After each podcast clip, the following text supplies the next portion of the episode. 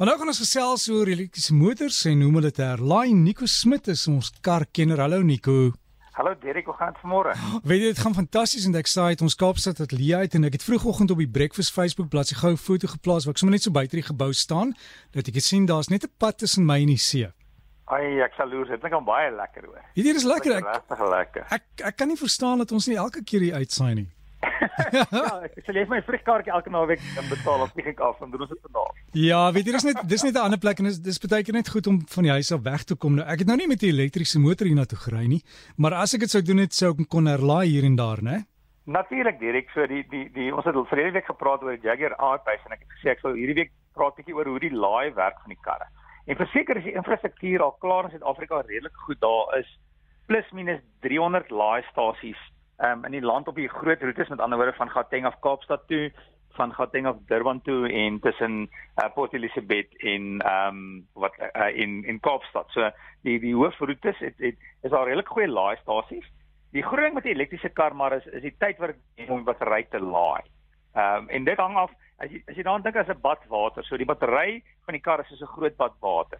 En hoe groter die kraan oopmaak om die bad vol te maak, uh hoe vinniger gaan jy die bad vol maak. En dieselfde met 'n elektriese kar. So hoe um, en dit gaan dan oor die battery grootte is dan soos 'n bad en die laaistasie is is soos die kraan.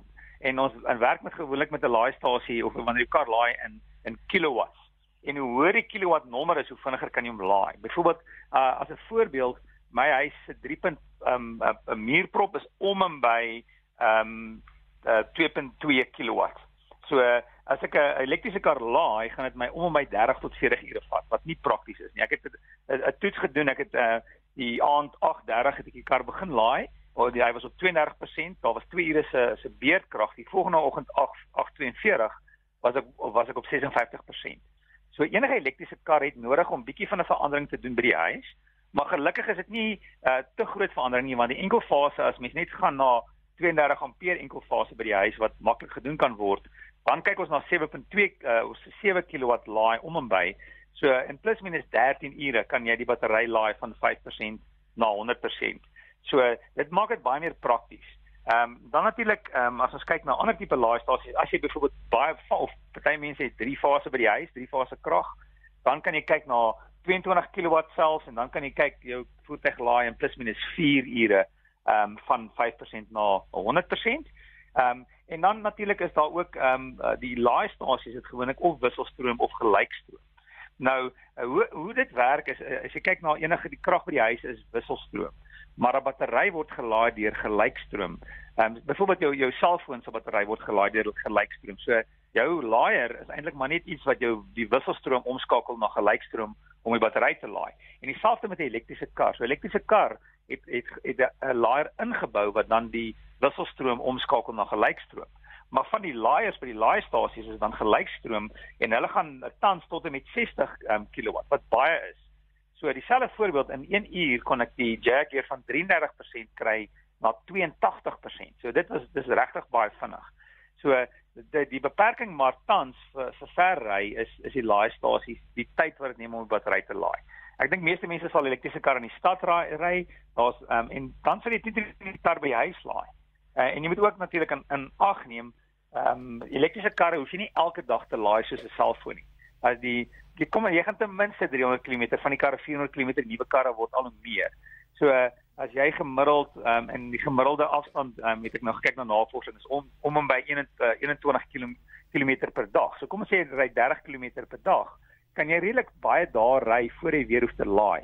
So 'n goeie strategie gaan byvoorbeeld wees om in die week te ry elke dag en naweke te laai.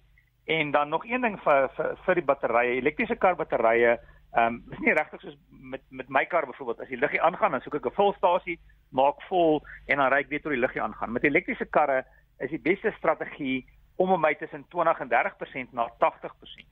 So as jou voertuig by 20% is dan laai hom weer tot by 80%, want dit is ook 'n manier om goed na die battery te kyk. Ehm um, so die laaistasies is al redelik baie van in in die land, maar 10 teen 1 meeste mense gaan by die huis laai en jy sal verseker ehm um, verandering moet maak na ten minste enkelfase 32 ampere, maar dit beteken met ander woorde 'n basiese laai by die huis, maar dit is dan genoeg vir meeste mense se nut om die kar te laai. Dankie Nico.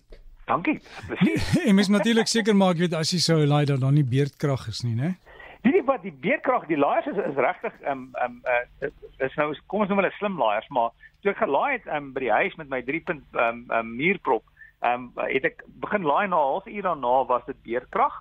Ehm um, toe die beerdkrag die krag weer aangaan het ek teruggegaan in die motorhuis en die kar was weer besig om te laai. So om eerlik te wees, ek weet ons praat baie van die beerdkrag en dis tans 'n groot frustrasie. Maar die voertuie laai in elk geval, sodra die krag terugkom by die huis, gaan die voertuig weer laai.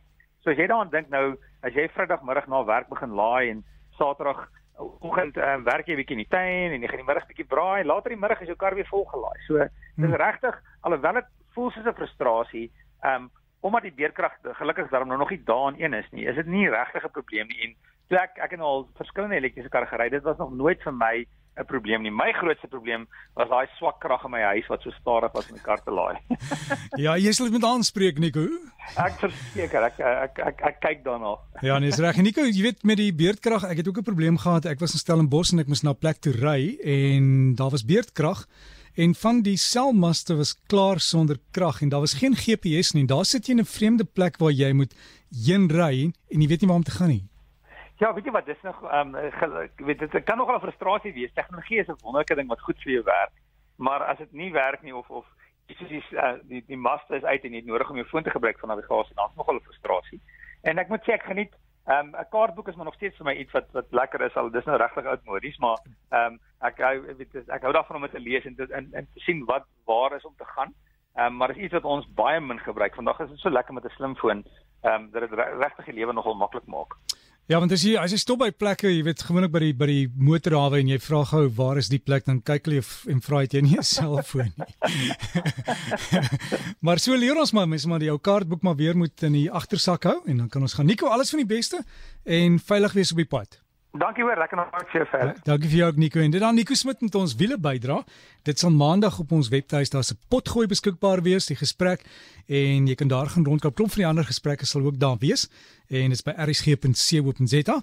En as jy enige idees het oor hoe ons kan gesels of vra het vir Nico stuur dit wiele by rsg.co.za. Wiele by rsg.co.za.